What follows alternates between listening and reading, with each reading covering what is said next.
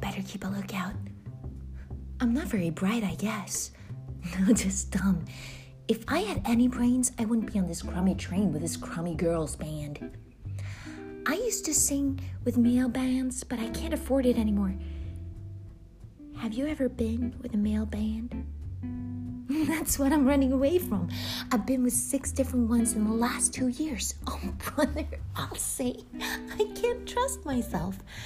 I have this thing about saxophone players, especially tenor sax. I don't know what it is, but they just curdle me. All they have to do is play eight bars of Come to Me, My Melancholy Baby, and my spine turns to custard. I get goose pimply all over and I come to them.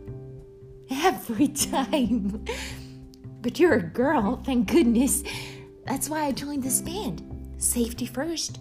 Anything to get away from those bums. You you don't know what they're like. You fall for them, you really love them. You think this is going to be the biggest thing since the Graf Zeppelin. The next thing you know, they're borrowing money from you, they're spending it on other dames and betting on horses.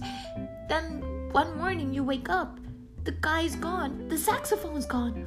All that's left is a pair of old socks and a tube of toothpaste all squeezed out. So you pull yourself together, you go on the next job, the next saxophone player. It's the same thing all over again. See what I mean? Not very bright. I can tell you one thing though, it's not going to happen to me ever again. Ever. I'm tired of always getting the fuzzy end of the lollipop.